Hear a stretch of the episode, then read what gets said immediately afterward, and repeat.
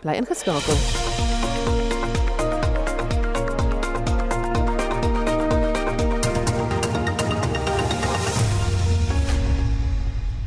12 minute oor 7 jy luister na Monitor. Voor COVID-19 het dit daagliks gewemel van die toerbusse by die Voortrekker Monument. Die pandemie het egter die dikstroom buitelandse besoekers tot stilstand geruk en daar moes ander planne gemaak word. Ons praat met Dominique Cassie Oukamp, die voorsitter van die direksie van die Voortrekker Monument. Goeiemôre Cassie.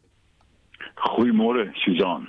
Hoe erg het die pandemie? Ja, hoe erg het die pandemie julle finansiëel geraak? O, baie erg uh weet dit was al reeds 'n bietjie 'n dalende besoekersstroompie maar dit het dit heeltemal opgedroog. Uh kom ek net soos in 2019 voor die pandemie het oorseese besoekers meestal uit China nogal gesorg vir 31% van die monument se inkomste. Vir hierdie jaar met die inperkingsjaar 2020 in totaal 21 besoekers. En al die remedies wat die kommersiële wêreld bied, eh, was reeds uitgeput. Die personeel se werksure is afgeskaal. Uitgawe tot die minimum beperk. Maar steeds lopende tekort en ons het eintlik op die direksie uh, gevra wanneer is dit dag 0 wanneer die dinge nie meer kan klop. En dit is inderdaad 'n groot groot slag geweest. Kassie met watter inisiatiewe en projekte moes julle dan voor 'n dag gekom het om die situasie te pro te probeer red? Uh Oudo, weet jy bloot nuwe inisiatiewe en projekte sou nie voldoende gewees het nie. Hmm. Dit gee so 'n bietjie ekstra lewensstou, uh maar dit stel die dag seker maar net uit. Een van die projekte was byvoorbeeld gewees die virtuele verkoop van die monument, nê. Nee, mense dan sê ek koop hierdie deel daai gee bedrag. Dit het, dit het goeie geld gebring, maar dit steeds nie standhoudend nie. Uh is maar so dat so 'n kruispunt dwing jou tot besinning waarheen nou.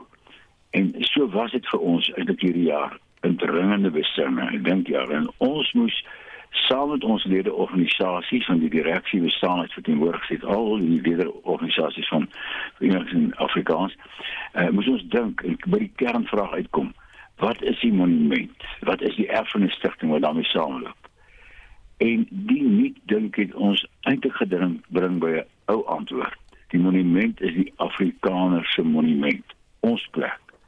Waar die geskiedenis en kultuur en die, die eie bydrae van hierdie onlosmaaklike deel van Suid-Afrika se kaleidoskoop van mense vertel maar ook simboliseer. Ons moet weer kom by 'n eienaarskap aanvaar deur Afrikaners. Uh nie die regering nie, nie die oorsese besoekers nie dit moet doen eienaarskap verantwoordelikheid aanvaar en dit het werklik ook uh standhoudende vrugte afgeopgelewer. Kan sê jy antwoord nou amper so 'n vraag wat ek wou vra maar uit die aard van ons land se geskiedenis, jy weet hoe verdedig jy kritiek of teenkritiek dat jy steeds besluit om gelofte dag uh, te vier in plaas van versoeningsdag?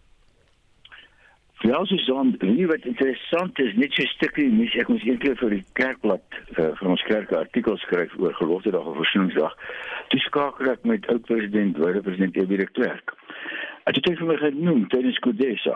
Daar was die vier uh geskiedkundige vakansiedae en en en, en voorheen gewees. Uh 6 April, 31 Mei, 10 Oktober en 16 Desember. En toe die nasionale party onderhandelaars vir ANC gevra Hierdie dag is 'n besonder belangrike dag vir Afrikaners. Dit is 'n dag om te religieuse inhoud en daar is ooreengekom dat die dag 'n vakansiedag sal wees, dis versoeningsdag genoem, maar om so ook geleentheid te kan gee vir Afrikaners om gelofte dag te vier. So ek in die parlement was, het ek en my vrou Ina elke jaar op 16 Desember met voortrekkerdag die verrigtinge by die monument bygewoon. En na 12 het ons na president Thabo Mbeki se groot funksie vir al die parlementslede het ons geskryf net so en eintlik onder leide applous. Die mense het ook besef uh, versoening beteken nie oplos van alles nie. Versoening beteken dat jy met jou identiteit met wat vir jou belangrik is, dat jy saam uh by mekaar kan uitkom. En so ek dink dit dit trek 'n streep deur versoening nie. Ons is nie net 50000 enkelinge nie. Ons is ook verskillende groepe gemeenskappe en elkeen wil voel hy sê reg in hierdie land. Dit is ons landskap en ook, is dit nie? Unite in our diversity. Hmm.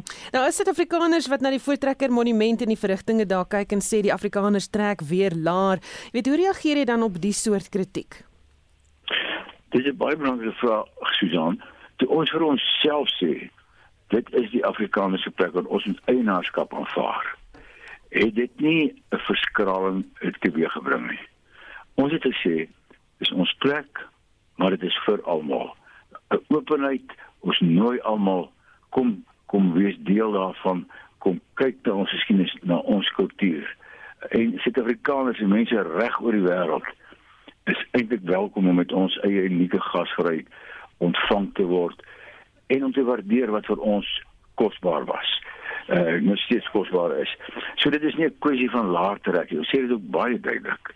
En uh dit is ook nie 'n kwessie van enige antagonisme of dit ons dat ons weer voorraai wil uithaal nie. Dit is dis ons plek, dis ons geskiedenis en kom kyk en kom beleef dit saam met ons en kom deel met ons daarin. En mense waardeer dit want dit gee 'n karakter. Dit is nie meer net dis net 'n museum op die kop nie. Dit is iets wat leef vir 'n groep mense onaf onafskeidbaar van hierdie land en almal deel daarin. Openheid. En dit was uh, Dominikasie, ou kampie voorsitter van die direksie van die Voortrekker Monument. Cricket Suid-Afrika moet opnuut begin soek na direkteur van cricket en hoofafrigter vir die Mansprotea span. So sê die voormalige president van SA Cricket Spelersvereniging, Ompile Ramela. Ramela het sterk uitlatings gemaak teen die aanstelling van Graham Smith en Mark Boucher in hulle onderskeie rolle toe hy getuig het by die sosiale geregtigheid en nasiebou verhore. Die ombud wat hierdie verhore waargeneem het, advokaat Dumisa Nsebeza, die week sy tussentydse verslag aan KSA oorhandig. Die beheerliggaam sal in die komende dae die bevindinge van die verhore bespreek binne sy uitvoerende raad voor daar in die openbaar kommentaar gelewer word. Udo Karel se berig. Die tussentydse verslag het bevind dat Cricket Suid-Afrika se voormalige uitvoerende hoof, Tabang Moerwe, afgewyk het van die organisasie se aanstellingsproses toe hy Graham Smith in 2019 genader het vir die pos van cricketdirekteur. Dit terwyl daar reeds met 3 ander kandidaate onderhoude gevoer is vir die posisie. Ramela voel egter dat Moerwe se plaasvervanger, Jacques Vol, ook verantwoording moet doen vir sy rol in die sluit van 'n kontrak met Smith.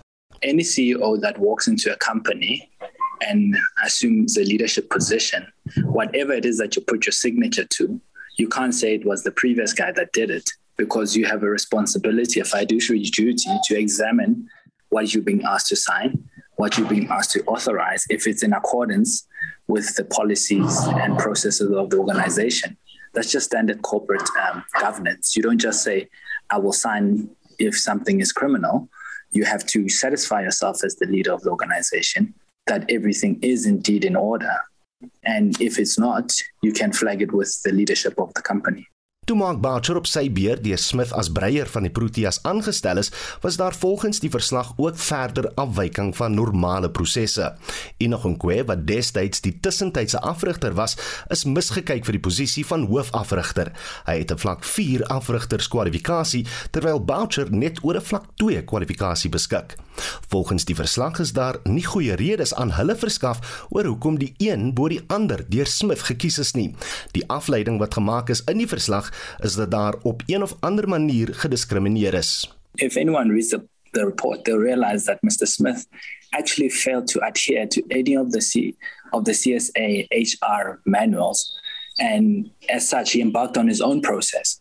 He actually deviated from what the organization um, what the processes and the procedures say you must do when you want to hire coaches. Because the issue here isn't whether you are headhunting or not, is that what is the governance framework of Cricket South Africa? And it is a public institution, you know, so there's very little room to actually go and and headhunt. But if you do, there must be a strict procedure followed. Die groot vraag bly staan oor hoe Cricket Suid-Afrika veral op hierdie bevindinge sal reageer nadat hulle uitvoerende raad daaroor gesprekke gaan voer. Ramela sê daar is net een opsie wat hulle sal moet uitoefen. As someone who brought the complaints uh, forward initially, even when I was on the interim board of Cricket South Africa, to say these two appointments are not in line with the company's processes and procedures. And moreover, these two individuals are not qualified for those two positions. You know, and ordinarily, what would happen in any organization is you would actually re-advertise those positions and allow for a more competitive process to take place you know. And csa has sat on this matter for too long. And my suspicion is that they are waiting for graham's contract to lapse in at the end of march next year. Do you anticipate that either man, because uh, Mark Boucher's contract will run beyond that, given what the findings of the report are, that either man will step down from their position? I don't foresee them stepping down. There's been such a big public outcry, not only from the discrepancies with their appointments and their unlawful nature. Uh, there's also been um, a public outcry about the racism and the discrimination that players have faced while they were players and even as administrators. And they have held on with tooth and nail. And I don't think that position is going to change. Ramey het intussen alle cricketverwante posisies laat vaar en werk deesdae as 'n sakekonsultant ver verwyder van die sport waaraan hy as professionele speler deelgeneem het. Sy reaksie oor of hy enigsins spyt is oor sy deelname aan die sosiale geregtigheid en nasiebou verhore was as volg. My observation, the only way to answer that, Udo, in a real sense, is that I've applied for a number of positions within the administration of cricket. And you, as you would know, I have about four degrees with the highest being a master's. And I've also played professional sports for quite a number of years. But I've not had the opportunity to serve in the administration despite having applied for what A, I'm qualified for and competent to do, and B, having proven within the leadership of cricket that I'm actually here to safeguard the interest of the sport. But nonetheless, that's um, that's just how these things go. I believe sometime in the near future, things might change. In die verslag is saamgestel deur ons eie Udo Karlse. Nou die Wêreldgesondheidsorganisasie sê dat Suid-Afrika nie meer die wêreld in Omicron gevalle lei nie, nadat meer as 50 ander lande nou wêreldwyd ook geregistreerde gevalle het. Die agentskap sê hoewel daar oor die algemene toename in gevalle is as gevolg van die nuwe variant op die vasteland, word minder sterftes geregistreer in vergelyking met vorige stygings. Vincent Mofokeng berig. Die Wêreldgesondheidsorganisasie berig dat die vasteland meer as 196000 nuwe gevalle aangeteken het vir die week wat op 12 Desember geëindig het. Maar sterftes het laag gebly. Dr Matsidiso Moeti is die WHO se streeksdirekteur vir Afrika. Evidence from South Africa is that while hospitalizations have increased by almost 70% in the past 7 days, intensive care unit bed occupancy rates remain low. Die WHO sê hy bly versigtig optimisties dat sterftes en ernstige siektes laag sal bly. Al bly inentings op die vasteland ook baie laag. As things stand, predictions are that if things continue like this, Africa may not reach the 70% vaccination coverage target until August 2024. Just 6 countries have hit the year-end target of fully vaccinating 40% of their citizens. Daar word gesê dat gevalle sedert die begin van die Omicron variant elke 5 dae verdubbel. Die WHO sê wêreldwyd is daar meer as 2700 Omicron gevalle aangemeld in 59 lande, insluitend 11 Afrika lande wat ongeveer 'n derde van die totale gevalle uitmaak. Kenia is nou die jongste wat 'n geval van die variant aangemeld het. Die land se nasionale diensverskaffer se kantoor in Uganda sê die paniek van die Omicron variant wat reisverbod deur meer as 70 lande teen Afrika lande veroorsaak het, is baie sleg vir besigheid.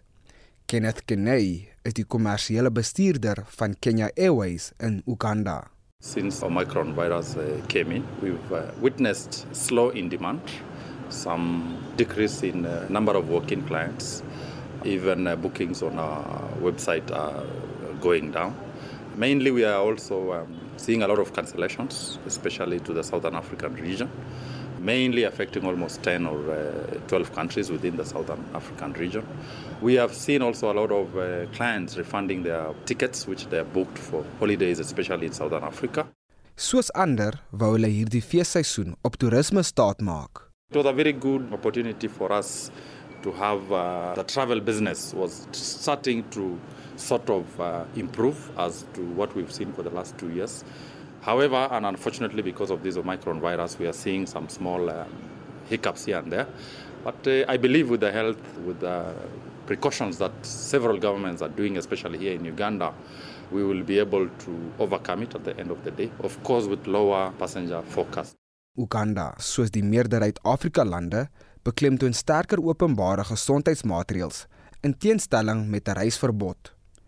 Die WHO vra Afrika burgers om versigtig te wees wanneer hulle die feestyd ingaan en regerings om mense aan te moedig om betyds inentings te kry om die vermorsing van dosisse te vermy soos in sommige lande gerapporteer is. Die verslag van Coletta Wanyohi vanuit Nairobi, Kenia. Ek is Vincent Mufokeng vir SAI Garnis. Die Suid-Afrikaanse weerdiens waarsku dat reën, moontlike haal en sterk wind in die noordweste van die land kan lei tot die oorstroming van paaie, nedersettings en brûe in laagliggende gebiede. 'n Senior weervoorspeller by die Suid-Afrikaanse weerdiens, Quentin Jacobs, het met Jamie Verhoef gepraat oor wat vir die volgende paar dae verwag kan word. Daar is 'n waarskuwing vir ontwrigtende reën oor die noordoostelike dele van die land, Limpopo, Mpumalanga, Gauteng, die oostelike dele van Noordwes en die oostelike deel van die Vrystaat en die noordelike dele van KwaZulu-Natal en met hierdie ontwrigtende reën verwag hulle bietjie oorstromings en skade van eiendom. Langs die Weskus gaan daar bietjie sterk winde wees, so dit kan skeepvaart bietjie ontwrig.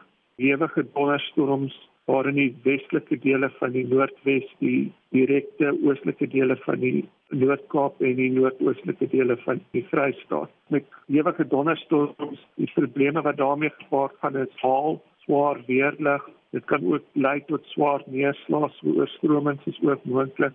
Andersins is dit basies maar namiddag donderstorms in die oostelike helfte van die land. So hier in Gauteng is dit die afgelope paar dae redelik koelerig. Is daar 'n koue front wat in beweeg? Dit is so ongewoon. Wat eintlik regtig gebeur is, met al die tropiese lug wat inkom, is dit redelik bewolk en die bewolktheid veroorsaak dat die son nie regtig by die grond uitkom nie, so die temperature kry nie kans om regtig so warm te word soos wat dit gewoonlik word nie. Dit is kom 'n bietjie koeler voel. So dis nou daai tyd van die jaar ons weer as baie reisigers op die paaie. Het jy dalk van julle kant af enige wenke vir motoriste wat die lang pad aandurf in hierdie ontwrigtende weeromstandighede? Wel, eerste en belangrikste ding om te doen in ewige weer is sit jou ligte aan. Nie noodwendig dat jy beter kan sien nie, maar dat jy beter gesien kan word. Tweede ding te doen is verlaag jou spoed, veral met die nat paaie, want die water verminder die drywing so jou kar kan baie makliker beheer verloor in daardie toestande. So ligte aan ry bietjie stadiger en as die sigbaarheid baie sleg word sit maar die hazards aan en ry baie stadig. Verwag maar dat jou reistyd 'n bietjie verleng gaan word So jy het nou genoem van die wyd verspreide reënbuie, maar is daar dalk spesifieke gebiede waar mense meer op hulle hoede moet wees in die volgende paar dae? Nee, ek dink dit is meestal die oostelike helfte van die land wat die weer kry. Oor die naweek gaan dit 'n bietjie verder wesstoot, so die hele sentrale binneland gaan geaffekteer word, maar meestal is dit die oostelike dele van die land. So dit is gewone somerweer, namiddag donderstorms wat ons verwag. Die ernstigheid van die stelsel sal aangepas word daagliks en dit is nie altyd moontlik om te sien of dit wel ernstige situasies gaan wees na voor die tyd nie. En dit was 'n senior voorspeller by die Suid-Afrikaanse Weerdiens Quentin Jacobs, Jamari Verhoef het met hom gepraat. Is dit welkom terug? Wat sê ons luisteraars? Oudo Isabel Swart laat weet nadat ek al 2 keer COVID gehad het, wens ek ek kon net in my huis bly en nooit weer uitgaan nie. En Letitia Pinaar sê die beperkings moet in geheel opgehef word. COVID kon nou al baie kom nou al baie lank saam met ons en almal behoort te weet wat hulle moet doen. Dis tyd dat ons lewens na normaal terugkeer. Kom ons luister wat van ons luisteraars sê. Ons moet op vlak 1 bly. 'n Virus loop gewoonlik sy loop en dan word hy so afgeplat streng inperkings nee kyk wat ek reken wat nou gebeur het in hierdie 2 jaar ons het gewoond geraak. En nou as jy nou gaan karring en stenge strenger reëls maak dan krap jy net die ding on ons mense het nou al besef hoe ernstig hierdie saak is en of dit nie ernstig is nie. So ons los die ding moenie die mense onkrap nie moenie die orde versteur nie los dit soos wat dit is dat hierdie hele COVID besigheid met sy normale gang moet hy maar gaan. Ek is baie bly dat ons bly op vlak 1 en dit raak nie strenger nie, maar dat kan gerus elke paasnaweek en elke Desember kan hulle die inperking in die nag van 12 tot 4 kan hulle behou. Hulle kan dit eintlik maak van 10 tot 4 want dit is mense wat ongelukke maak en dis baie gevaarlik om in die nag te ry. So dit gaan mense maar net dwing om 4:00 in die oggend eers te begin ry, dan is hulle baie varser. Gaan kyk bietjie na die statistiek. 80% van die noodlottige ongelukke waarin families en goed uitgewis word, is gewoonlik hier in die middel van die dag van slim mense wat hierdie nag wil bestuur want hulle kindertjies kan nie die hitte vat nie. Ek dink is 'n wonderlike ding dat hierdie inperking van 12 tot 4 in die oggende daar is en dat dit daar moet bly. Olivier Kritzinger skryf vir ons: Ek sou graag wil sien dat maskers in openbare plekke soos winkels verpligtend is en dat die aandklokreël toegepas word veral om 'n toename in misdaad te help hokslaan. Laat weet vir ons wat jy daarvan dink dat die land op 'n aangepaste vlak 1 van inperkingsregulasies gehou is. Stuur vir ons 'n SMS na 45889. Onthou dit kos R1.50 per SMS. Gesels vir oula saam op ons Monitor en Spectrum Facebook bladsy of WhatsApp vir ons stemnota na 076 536 6961.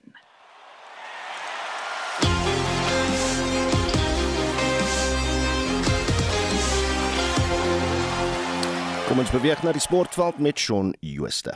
In die bydra, die tweede toets in die Asreeks is in Adelaide aan die gang. Die Formule 1 span Mercedes onttrek hul appel teen die uitslag in Abu Dhabi en Chad Leclerc wen brons by die kortbaan kampioenskappe. Australië dag 2 van die tweede toets in die reeks om die as teen Engeland op 221 vir 2 in hulle eerste beurt begin. Die Aussies het die lood gister gewen en gekies om eerste te kolf. Dit is 'n dag-nag toets wat met die pinkbal in Adelaide gespeel word en die Aussies loop 1-0 voor in die reeks. Pakistan het skoonskip in hulle T20 reeks in Karachi teen die Windies gemaak terwyl die besoekers gister in die derde en laaste wedstryd met 7 paaltjies getroof het. Mohammad Rizwan was as speler van die wedstryd en die reeks aangewys. Die eendagreeks wat môre sou begin het, is weens Covid uitgestel en sal volgende jaar herskeduleer word. Motorsport. Die Formule 1 span Mercedes het hulle appel teen die uitslag in die laaste ronde by die Abu Dhabi Grand Prix onttrek en die Red Bull renner Max Verstappen van Nederland geluk gewens met sy eerste wêreldtitel.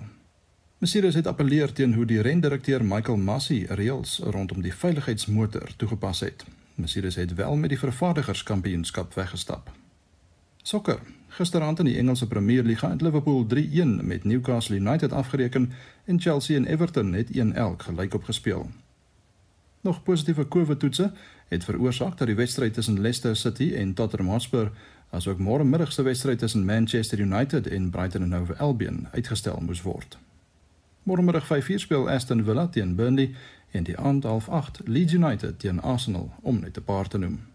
In die DStv Premier Liga takel Marumo Gallants en AmaZulu mekaar vanmiddag kwart oor 5 en Mamelodi Sundowns en Orlando Pirates mekaar vanaand half 8.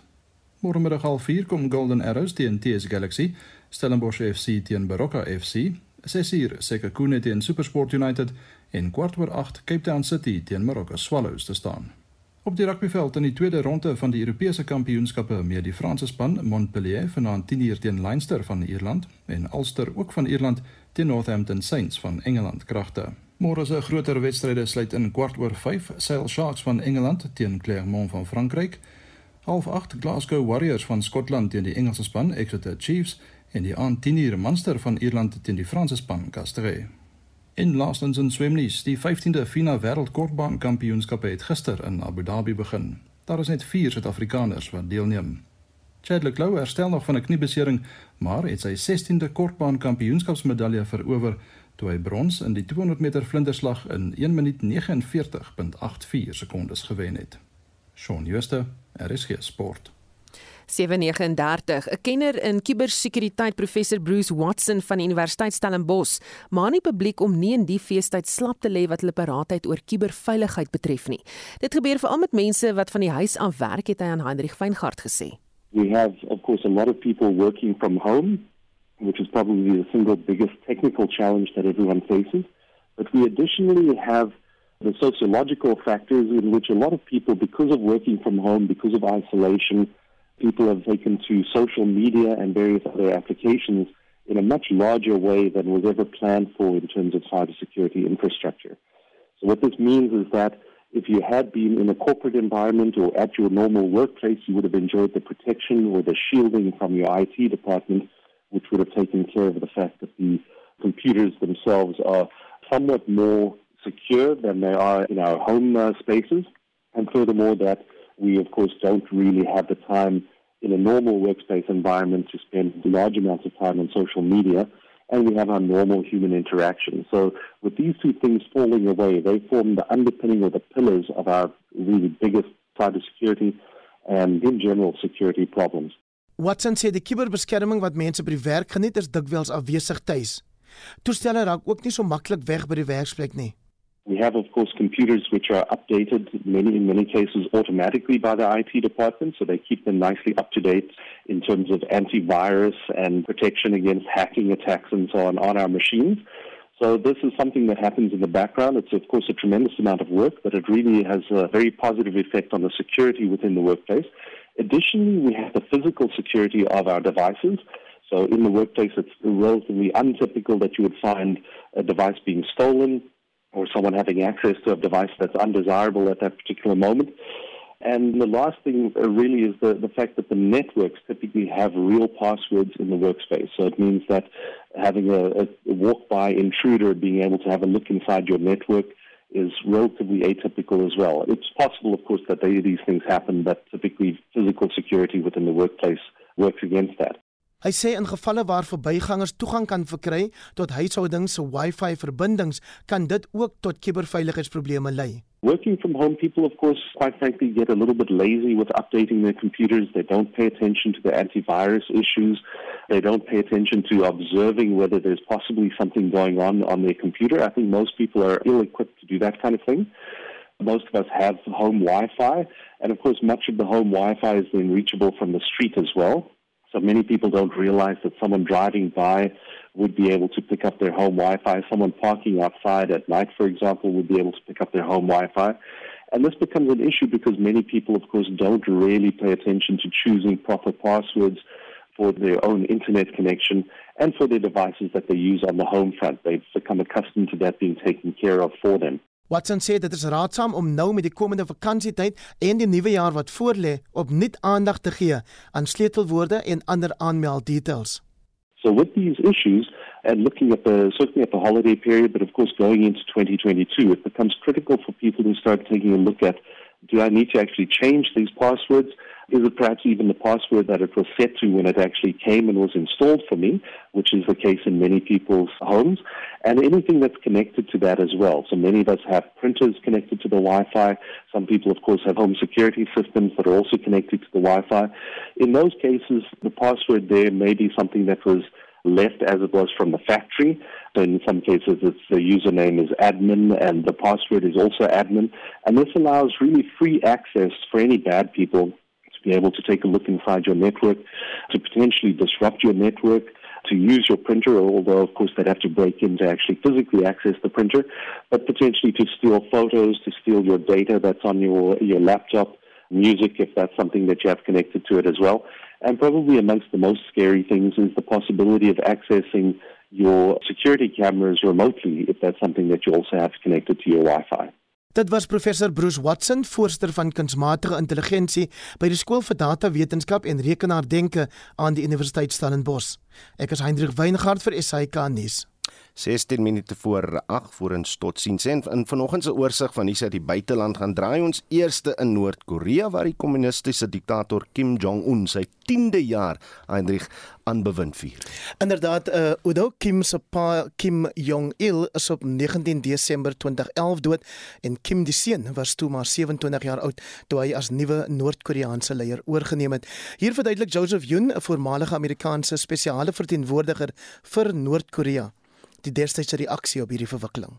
I was in State Department when we heard uh, Kim Jong Il had died, his father had died, and we thought, goodness, is this it? Essentially, what 25 year old is taking over, 26 year old taking over, and you saw him kind of looking bewildered uh, as he walked by the horse Nadat daar aanvanklik kommer bestaan het dat onstabiliteit in die land sou heers met die magsoorname, het Kim seun vinnig in 'n gevreesde leier ontaard wat Noord-Koreane met 'n eisterhand regeer en op 'n bloedige wyse afreken met enige iemand wat hom teëgaan, tot sy eie familielede. Ons luister weer na die Amerikaanse diplomaat Joseph Yoon. We saw him, you know, uh, essentially having his uncle who was almost like a regent uh being executed summarily executed.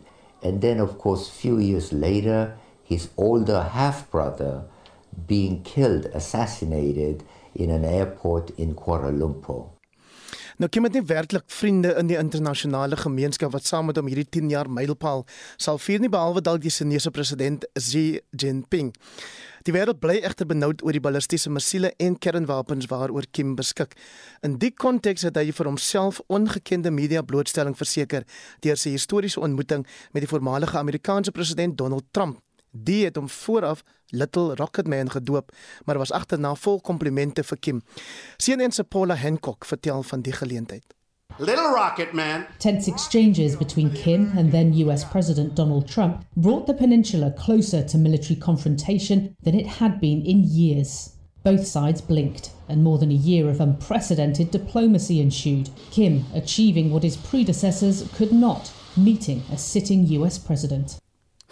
Ja, dit was die dag toe die VN 'n straathoek geword het, né, nee, Little Rocket Man. Anyway, nuus uit Latyn-Amerika is dat Mexiko geskok is oor die skietdood van 'n bekende aktrise en sangeres. En wat dit so erg maak is dat die aktrise en sangeres Tania Mendoza geskiet is terwyl sy voor 'n sokkerakademie in die staat Morelos op haar 11-jarige seun gewag het. Ander ouers het ook op hulle kinders gewag, maar dit was duidelik dat Mendoza die aanvallers se teken was. Sy is verskeie kere geskiet voordat die aanvallers op 'n motorfiets gevlug het. Nou in 2005 is sy haar man en seun wat toe 6 maande oud was vanaf die egpaar se kar was besigheid ontvoer. Sedertdien het sy verskeie kere doodsdreigemente by die Morelos prok prokureur-generaal se kantoor aangemeld en statistieke dui daarop dat minstens 10 vroue in Mexiko verlede jaar daagliks vermoor is. Mendoza was 42 en het in 2005 bekendheid verwerf deur die fliek La Mera Reina del Sur, maar in die onlangse verlede het sy op haar sangloopbaan gefokus. En dan Hendrik, uh, verkiesingsnuus uit Brittanje. Dit is naamlik dat die treurmare vir premier Boris Johnson, Johnson, die voordier in die nuutste verwikkeling het sy konservatiewe party 'n parlementêre setel wat hulle vir nagenoeg 200 jaar beheer het, naamlik North Shropshire aan die liberaal-demokrate afgestaan. Johnson kom die afgelope ruk onder geweldige druk weens onder meer personeellede se oortreding van COVID maatreëls en pas het 100 van sy party se LPs teen sy regering se nuwe voorgestelde COVID-inperkingsmaatreëls gestem. Hier bedank Helen Morgan, die nuwe LP vir North Shropshire, haar ondersteuners. Tonight, the people of North Shropshire have spoken on behalf of the British people. They've said loudly and clearly, Boris Johnson, the party is over. We have won the support of the people who have always voted Conservative and people who have always opposed them. Thousands of lifelong Conservative voters, dismayed by Boris Johnson's lack of decency and fed up with being taken for granted. People who believe that our politics should be about creating a better country for us all, not a nightly soap opera of calamity and chaos. En dit aan Heinrich Weingart met vanoggend se oorsig van buitelandse nuus. Die plaaslike rolprent Klein Karoo 2 kom vandag onder die soeklig in Leon van Heerop se weeklikse fliekrubriek. Clifford, the big red dog is presies wat die titel sê. Dis een van daai haai fooi tog maar films. Gedeeltelik animasie wat beteken die rooi hond is geanimeer. Wie kan 'n paar pleitende honde oogies met ag koop my toe opgeskryf weerstaan?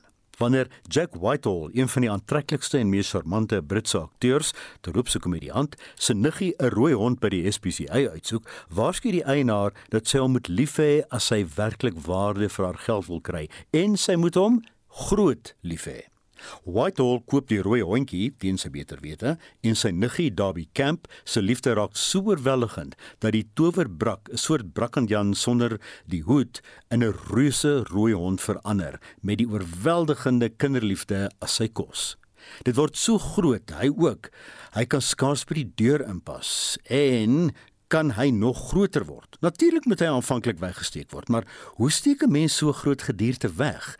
Dis die vet brakkerasie pret van Clifford the Big Red Dog vir kinders wat jy sal tref.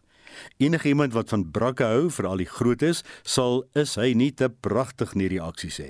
En alhoewel die storie so voorspelbaar soos jou aandete is, is dit tog prettig om te sien hoe die draaiboekskrywer sin uit hierdie reuse hond maak. En die rooi hond animasie is oortuigend en oulik. Absoluut vir die kleinspan, net reg vir vanaand. Clifford the Big Red Dog 6 uit 10 ouerlike toesig word aanbeveel slegs in teaters. Dan begin 'n Afrikaans film op DST Box Office, die vervolg op die oorspronklike Klein Karoo van ek dink so 5 jaar gelede. Ek persoonlik, ek moet beklemtoon. Dis my persoonlike opinie. Jy mag heeltemal verskil. Ek het gevoel die storie het nie 'n vervolg verdien nie. Daar's nie genoeg storie en insidente nie en dat daar dele is wat woordryk en onnodig is en met vrug uitgesny kon word vir al die laaste kom ons sê net maar 30% van die storie.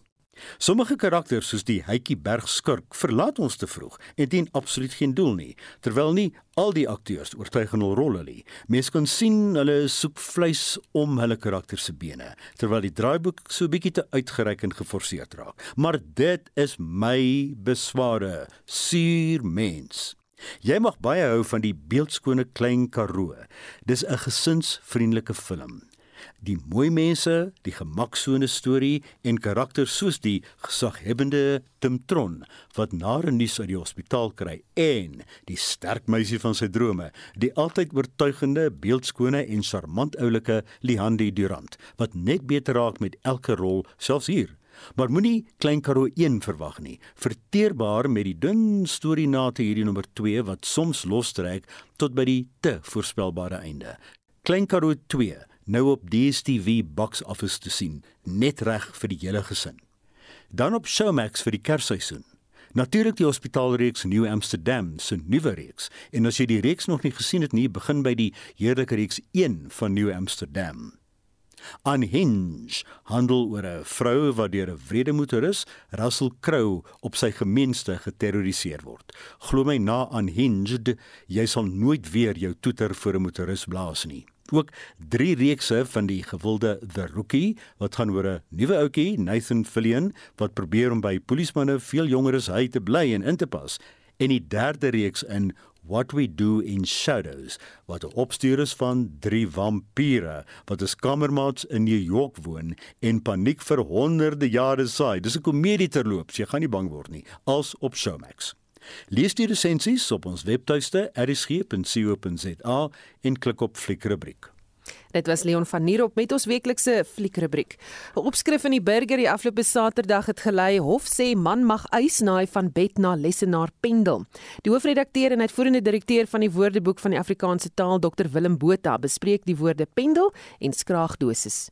'n Hof in Duitsland het bevind dat 'n man wat gegly het toe hy van sy bed na sy tuiskantoor geloop het, 'n eis weens 'n ongeluk by die werkplek kan instel omdat hy tegnies gependel het. Die man was op pad na sy lesenaar wat 'n verdieping onder sy slaapkamer is. Hy het op die spiraaltrap gegly en sy rug gebreek. As hy egter eers ontbyt geëet het voordat hy na sy tuiskantoor gependel het, sou die eis moontlik nie geslaag het nie. Ons het pendel waarskynlik na 1950 aan Nederlands pendelen ontleen. Pendel beteken om op 'n gereelde basis heen en weer te reis, gewoonlik van die woonplek na die werkplek en terug. Pendel kan teruggevoer word na die oorspronklike betekenis in Duits, naamlik om heen en weer te swaai soos 'n slinger. Hieruit het pendelaar ontwikkel en ook pendeltuig vir die Engelse Space Shuttle, ook pendelbussie, pendeldiens ensovoorts.